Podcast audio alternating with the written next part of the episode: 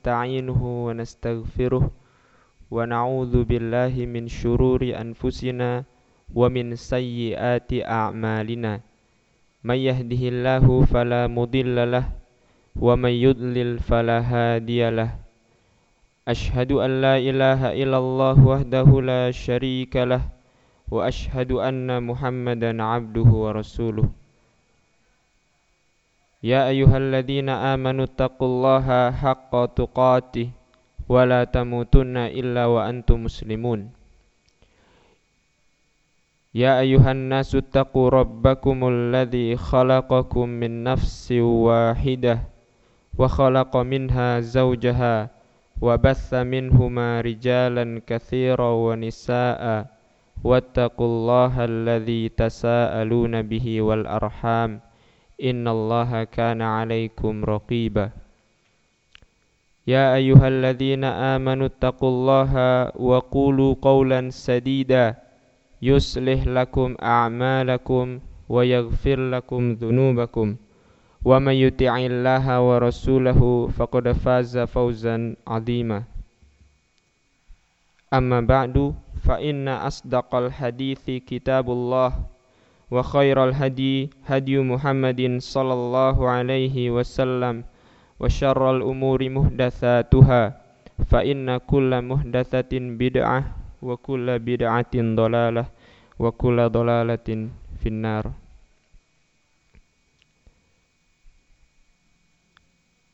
Ikhwah, apa kabar?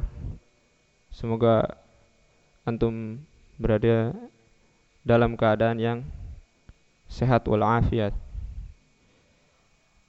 Segala puji bagi Allah Rabbul Alamin yang telah menciptakan kita dan juga telah menciptakan orang-orang sebelum kita. Sebagaimana Allah tabaraka wa taala berfirman Ya ayuhan nasu budu rabbakumul ladzi khalaqakum walladzina min qablikum la'allakum tattaqun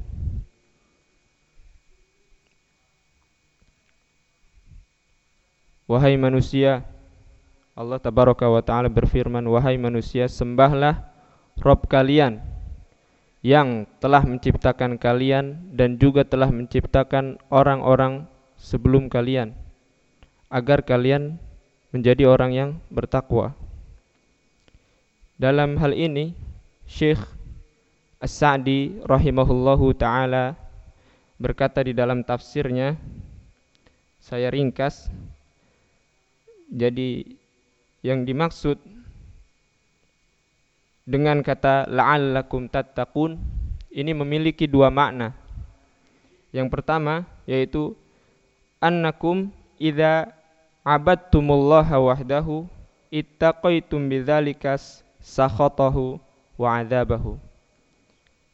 Sesungguhnya kalian apabila beribadah hanya kepada Allah tabaraka wa taala, niscaya kalian telah membentengi diri kalian dengan hal itu dari azab Allah. Dan makna yang kedua yang dimaksud dengan la'allakum tattaqun adalah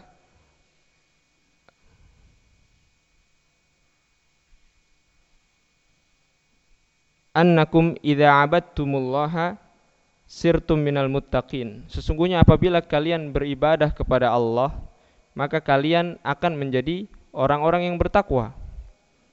Nah, jadi apabila kita beribadah kepada Allah, maka hal itu akan menjadikan kita sebagai orang yang bertakwa. Dan apabila kita menjadi orang yang bertakwa, maka kita akan dijauhkan dari adab Allah. Itu eh, makna la'allakum tattaqun ya. Makna la'allakum tattaqun. Oleh karena itu, jika kita telah mengetahui bahwa Allah tabaraka wa taala yang telah menciptakan kita dan juga telah menciptakan orang-orang sebelum kita, tentu hendaknya kita bersyukur bersyukur kepada Allah tabaraka wa taala. Bagaimana cara bersyukurnya? Bersyukurnya adalah dengan banyak beribadah kepada Allah tabaraka wa taala. Dan salah satu ibadah adalah menuntut ilmu. Menuntut ilmu adalah salah satu ibadah. Oleh karena itu hendaklah kita bersemangat ketika menuntut ilmu.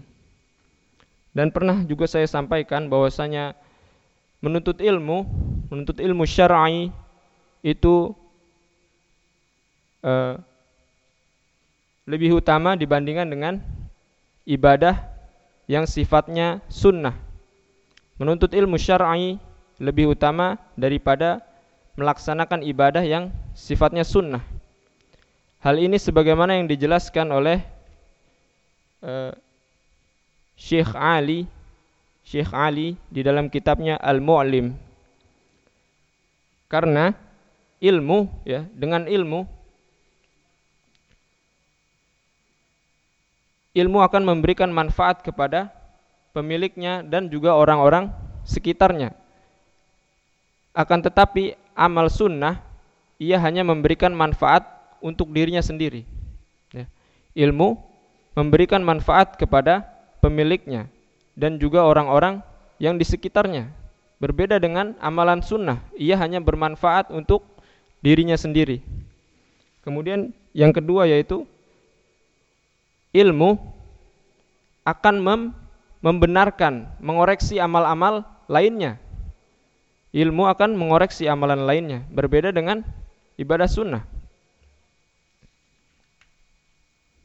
kemudian yang ketiga bahwasanya para ulama adalah pewaris para nabi ya. Al ulama warasatul anbiya. Para ulama adalah pewaris para nabi.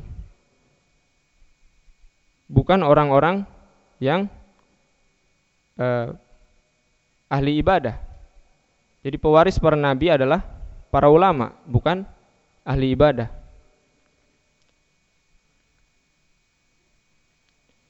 Kemudian yang keempat yaitu ilmu akan terasa maksudnya asarnya, dampaknya akan terus ada meskipun ia telah diwafatkan ya manfaatnya akan dirasakan oleh orang-orang sekitarnya meskipun ia telah diwafatkan oleh Allah tabaraka wa taala. Berbeda dengan amal sunnah, ia akan terputus ketika orang tersebut telah diwafatkan oleh Allah tabaraka wa taala. Kemudian dengan ilmu ya akan hidup syariat Allah akan menghidupkan agama Islam Jadi ada kelebihan ilmu dibandingkan dengan amalan sunnah di sini.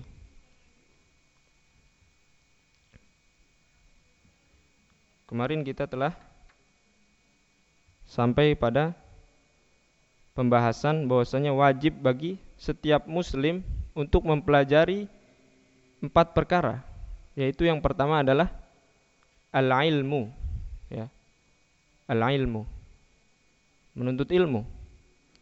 Jadi menuntut ilmu ilmu yang dimaksud di sini adalah ilmu syar'i ya. Ilmu syar'i.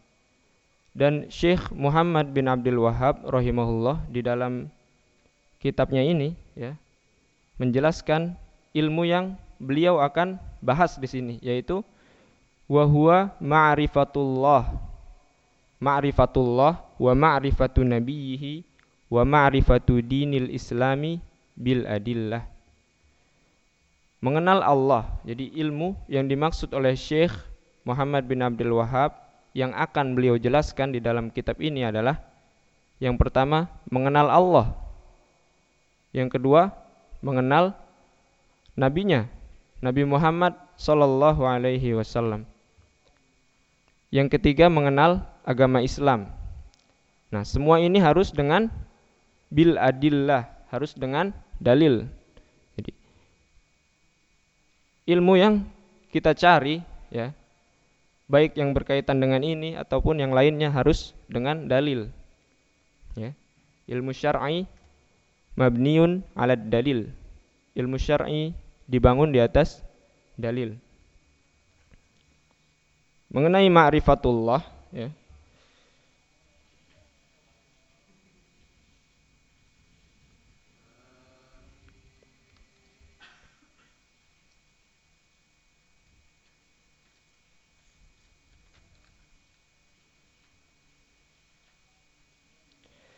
mengenai mengenal Allah ketika kita sudah mengenal Allah maka hal tersebut akan membuahkan beberapa hal. Yang pertama yaitu kita akan meyakini keberadaan Allah. Ya meyakini keberadaan Allah. Yang kedua kita akan mentauhidkan Allah dengan tauhid rububiyah kita akan mentauhidkan Allah dengan tauhid rububiyah. Yang ketiga, ketika kita telah mengenal Allah, maka kita akan apa hasilnya? Kita akan mentauhidkan Allah dengan tauhid uluhiyah. Kemudian kita juga akan mentauhidkan Allah dengan asma was sifat, ya. Jadi buah dari mengenal Allah adalah empat. Yang pertama meyakini keberadaan Allah tabaraka wa taala. Yang kedua, meyakini rububiyah Allah. Yang ketiga, meyakini uluhiyah Allah. Yang keempat, meyakini al-asma was sifat Allah. Ya.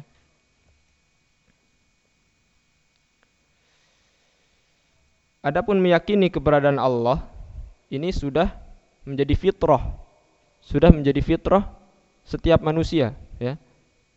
Rasulullah Shallallahu Alaihi Wasallam bersabda yang dikeluarkan oleh Al Imam Al Bukhari rahimahullahu taala ma min mauludin illa yuladu ala fitrah fa abawahu yuhawwidanihi au yunassiranihi au yumajjisanihi. Tidaklah setiap yang dilahirkan melainkan dilahirkan di atas fitrah ya. Sudah fitrah maka kedua orang tuanya lah yang menjadikan dia Nasrani. Kedua orang tuanya lah yang menjadikan ia Yahudi. Kedua orang tuanya lah yang menjadikan ia Majusi. Jadi mengetahui Allah sudah sudah fitrah.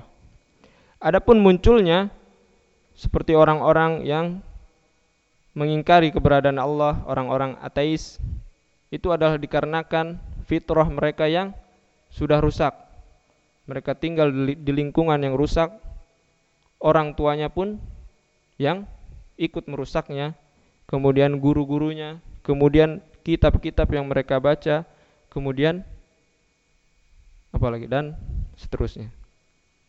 Itu sebab adanya orang-orang ateis.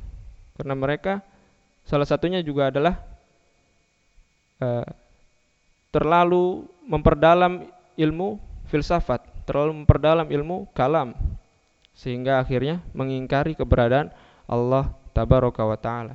Sebagaimana yang ada di universitas-universitas kita sekarang. Banyak orang-orang yang lulusan misalkan lulusan universitas apa kemudian fakultasnya agama akan tapi ia mengingkari Allah. Ada banyak malah. Nas'alullaha as-salamata wal afiyah. Kemudian yang kedua yaitu buah dari mengenal Allah, kita akan meyakini rububiyah Allah.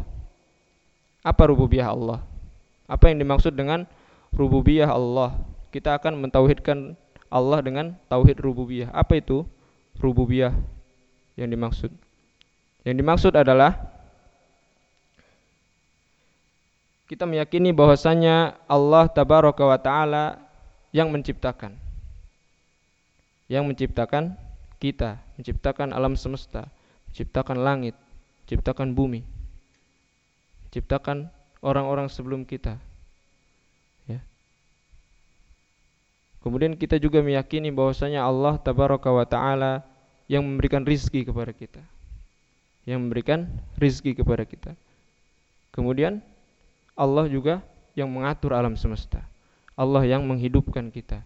Allah yang mematikan kita. Itu termasuk tauhid rububiyah. Allah tabaraka wa taala berfirman, Allahu khaliqu kulli syai. Allahu khaliqu kulli syai. Allah lah pencipta segala sesuatu.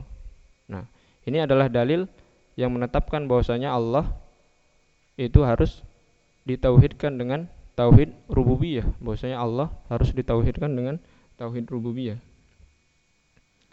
Wa ma min dabatin fil ardi illa 'ala Allahi rizquha.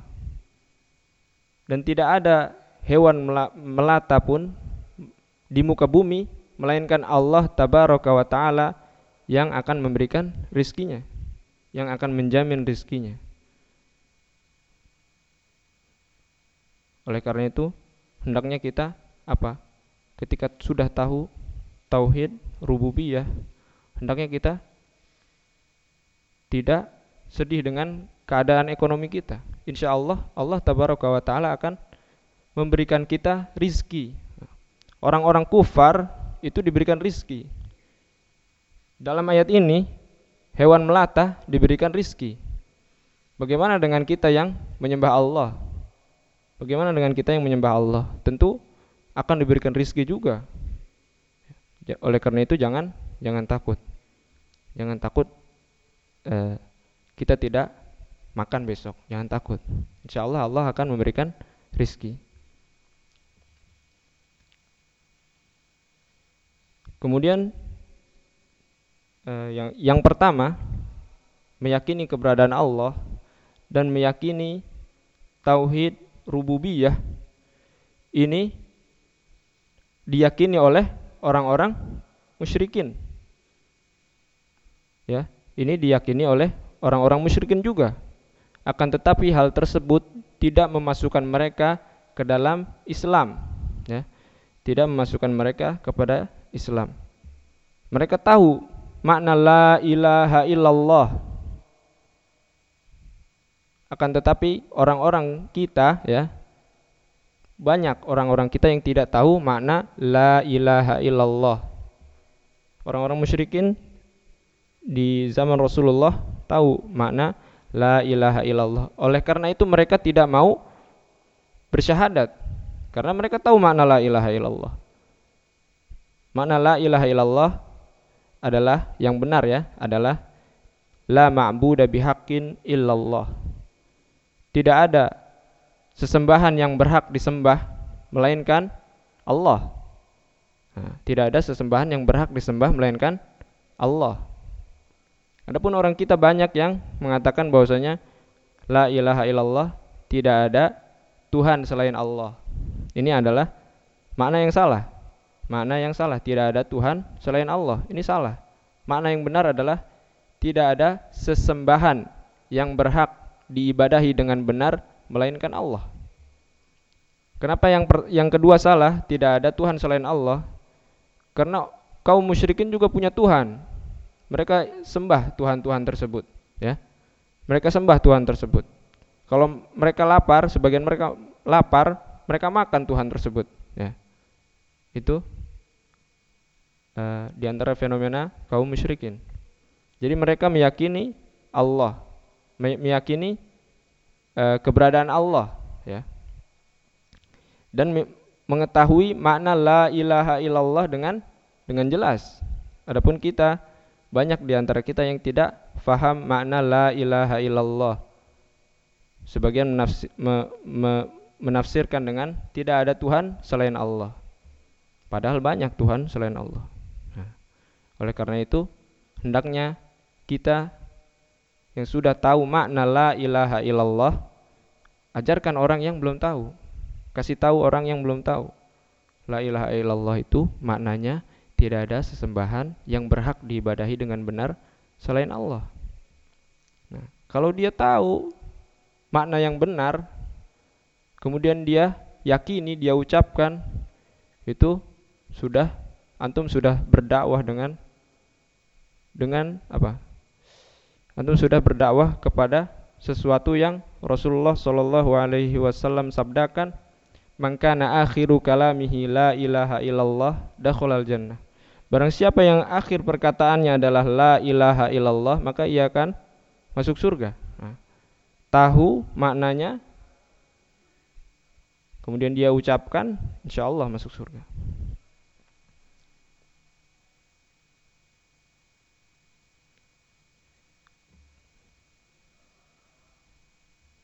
Kemudian yang kedua, yang yang ketiga yaitu meyakini tauhid uluhiyah. Buah dari mengenal Allah adalah kita akan mentauhidkan Allah dengan tauhid uluhiyah, yaitu apa? Kita hanya beribadah eh, maknanya tauhid uluhiyah adalah ifradullahi bil ibadah. Mengesahkan Allah di dalam beribadah. Jadi kita beribadah hanya kepada Allah, bukan kepada selain Allah. Itulah makna la ilaha illallah. Ya, tidak ada sesembahan yang berhak diibadahi dengan benar melainkan Allah. Itu makna la ilaha illallah. Jadi kita salat mengharapkan ganjaran dari Allah, mengharapkan apa yang di sisi Allah, mengharapkan masuk surga. Nah, itu baru namanya orang yang bertauhid tidak mengharapkan yang lain ketika sholat, ketika berpuasa, ketika berhaji, ketika zakat, ketika sodakoh, ketika berkata yang baik. Tidak mengharapkan melainkan Allah tabaraka wa ta'ala.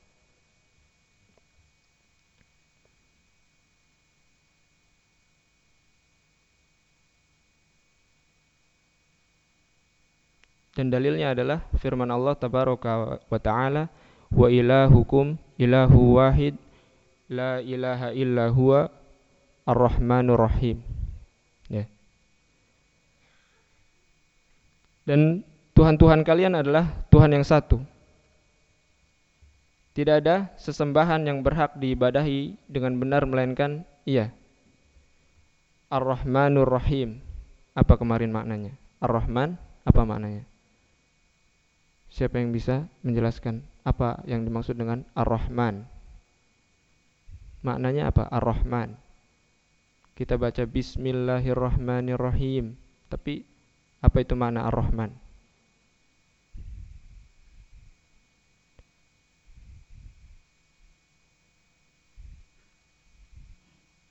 Ar-Rahman adalah sifat Allah tabaraka wa taala yang maknanya adalah mengasihi segala sesuatu ya.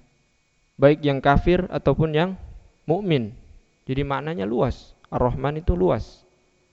Berbeda dengan ar-rahim. Allah ini adalah sifat Allah ya. Pertama sifat Allah kemudian yang maknanya itu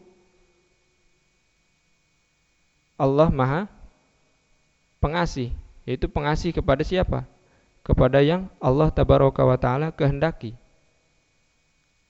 Yang yang Ar-Rahman itu umum kepada siapa saja. Kalau Ar-Rahim khusus kepada yang Allah tabaraka wa taala kehendaki. Seperti kaum mukminin ya. Itu makna Ar-Rahim. Ar-Rahman umum, Ar-Rahim khusus gitu. Jadi kalau tidak tahu di dicatat. Kalau tidak tahu dicatat. Kemudian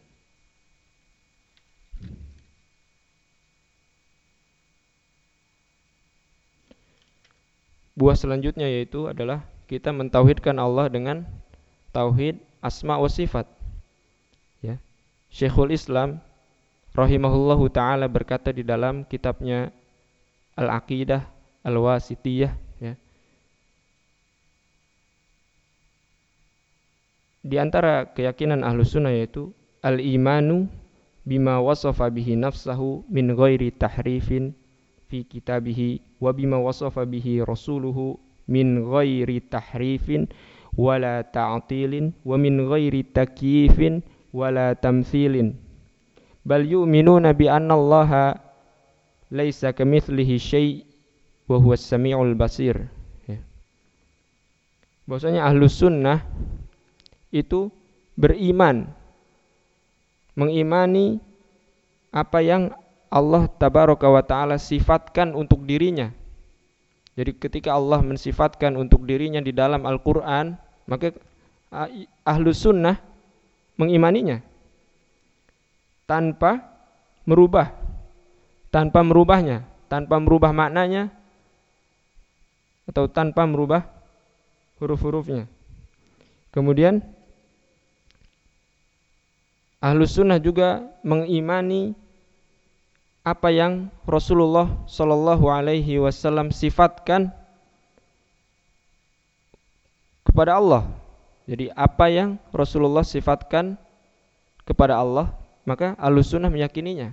Seperti yang dijelaskan di dalam hadis-hadis Rasulullah. Tanpa merubah.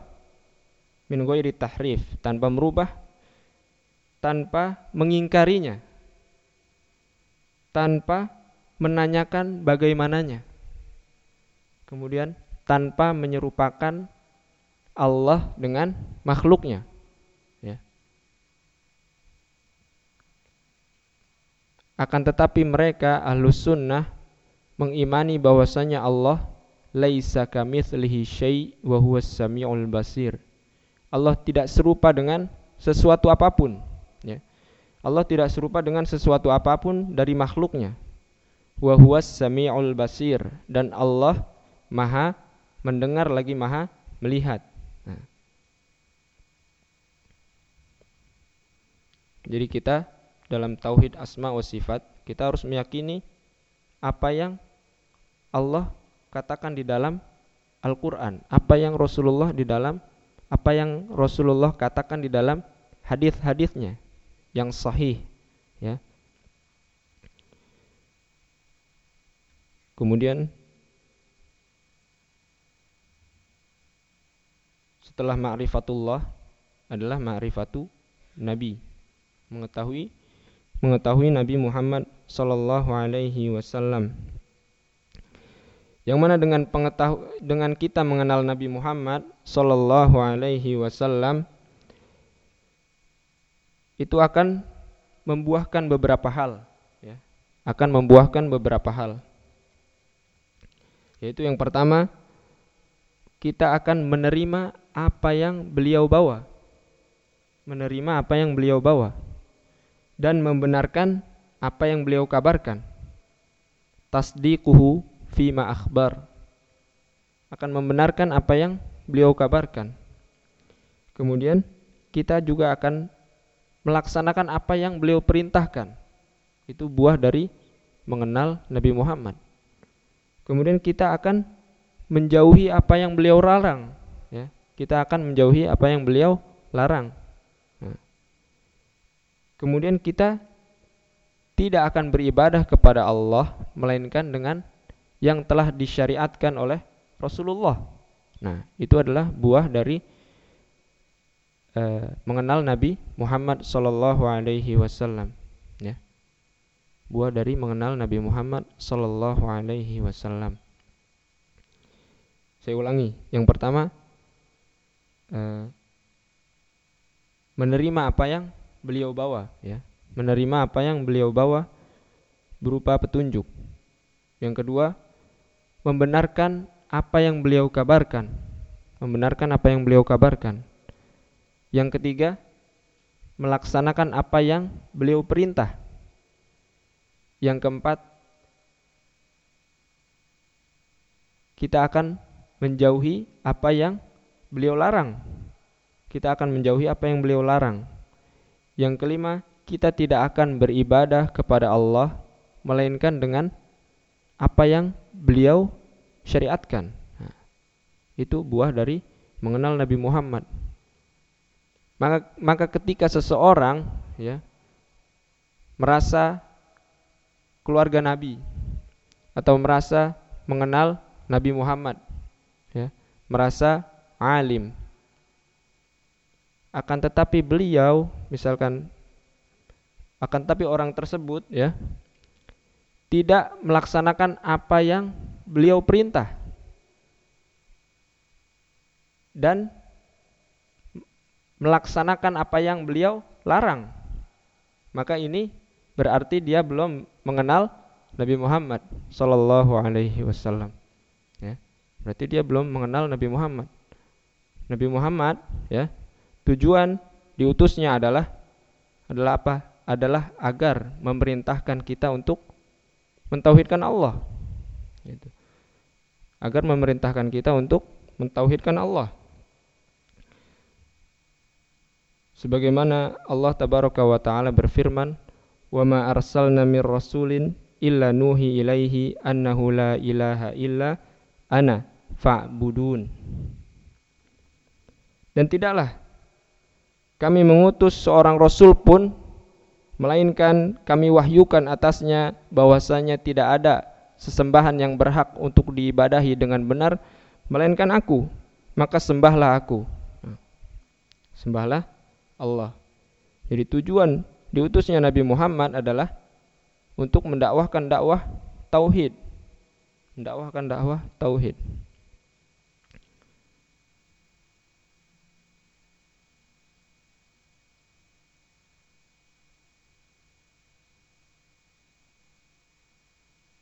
kemudian mengenal agama Islam.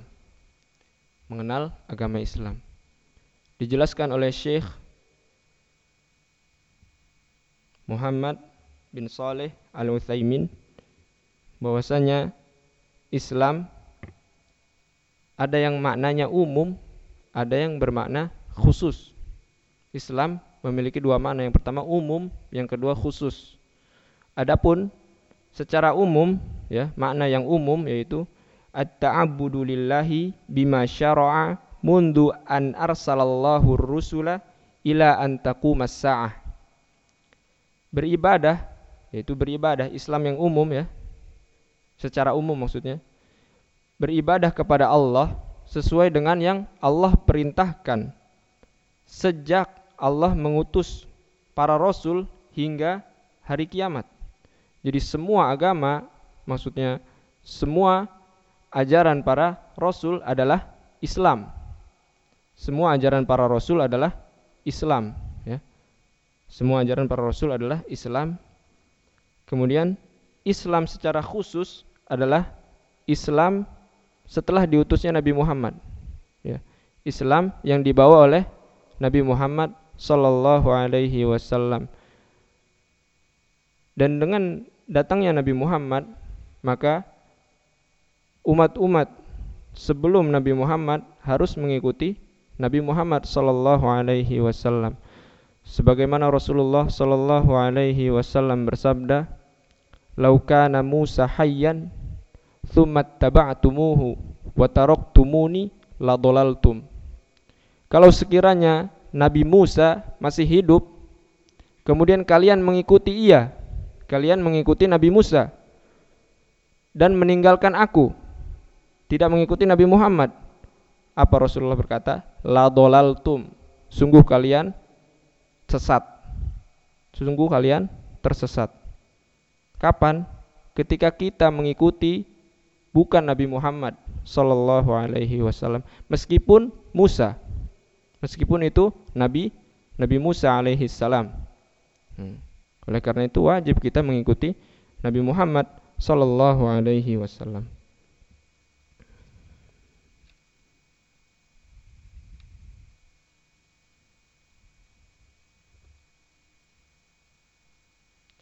Dan tiga hal tadi ya, mengenal Allah, mengenal Nabi Muhammad, mengenal Islam.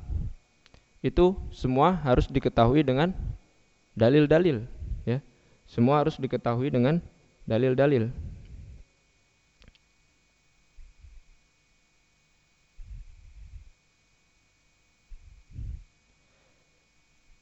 Sebagaimana dalilnya yaitu adalah maksudnya yang mewajibkan tiga hal ini dengan dalil adalah hadis al-barra yang waktu itu yang pertama kali pertemu, pertemuan pertama telah saya sampaikan hadis al-barra ya. Yang ketika orang yang tidak bisa menjawab ya ia berkata apa?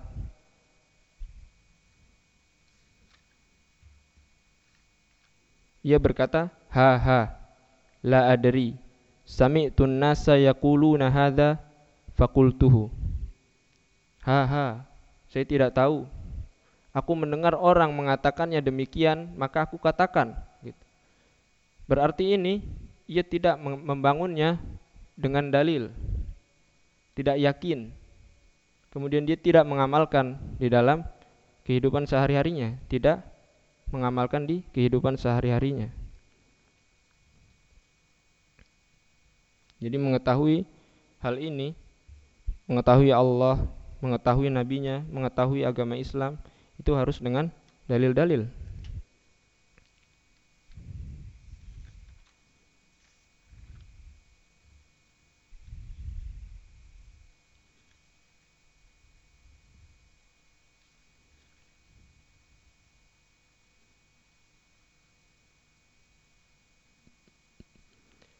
Dan tiga hal ini mengetahui Allah, mengetahui nabinya, mengetahui agama Islam adalah ilmu yang paling utama, yang paling agung dan yang pertama kali harus dipelajari. Ya, pertama kali harus dipelajari. Dalilnya tadi ya, hadis Al-Barra. Kemudian yang setelahnya yaitu wajib atas kita yang pertama adalah ilmu, ilmu tentang mengenal Allah, mengenal nabinya, mengenal agama Islam dengan dalil. Yang kedua adalah mengamalkan hal tersebut, ya mengamalkan hal tersebut. Kita amalkan.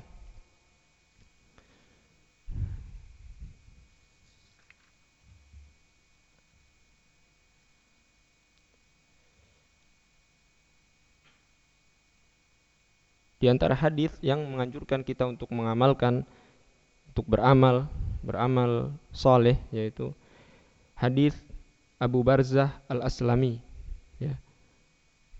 Hadis ini dikeluarkan oleh Al-Imam At-Tirmidzi. Bahwasanya Rasulullah sallallahu alaihi wasallam bersabda, "La tazulu qadama 'abdin yaumal qiyamati hatta yus'alu an umrihi fima afnah wa an ilmihi fima fa'al wa an malihi min aina iktasabah wa fima anfaqah wa an wa an jismihi fima ablah." Tidak akan bergeser seorang hamba, kaki seorang hamba pada hari kiamat melainkan sehingga ia ditanya tentang umurnya dihabiskan untuk apa? Umurnya dihabiskan untuk apa? Hmm? Kemudian ilmunya untuk apa ia amalkan? Ilmunya apakah ia amalkan atau belum? Ilmunya. Kemudian hartanya dari mana ia peroleh dan akan dikemanakan hartanya? Dikeluarkan untuk apa hartanya? Kemudian tubuhnya. Dia akan ditanya tentang tubuhnya. Capeknya akan ditanya. Untuk apa capeknya? Capeknya untuk apa? Nah, yang jadi syahid adalah wa an ilmihi fima fa'al. Mengenai ilmunya apakah sudah diamalkan atau belum? Ya, sudah diamalkan atau belum ilmunya? Adapun orang yang tidak mengamalkan ilmunya yang ia peroleh ilmunya tapi ia tidak mengamalkan maka hal tersebut merupa, e, menyerupai orang-orang Yahudi. Ilmunya banyak tapi tidak beramal, menyerupai orang-orang Yahudi. Adapun ketika seseorang hanya beramal, beramal, ber, beramal tanpa melandasi amalnya dengan ilmu, maka ini menyerupai orang-orang Nasoro. Menyerupai orang-orang Nasoro. Maka kaum muslimin ya, pertengahan. Berilmu lalu beramal, berilmu lalu beramal, ya. Belajar, amalkan. Belajar, amalkan. Teori, praktek. Jadi belajar, amalkan.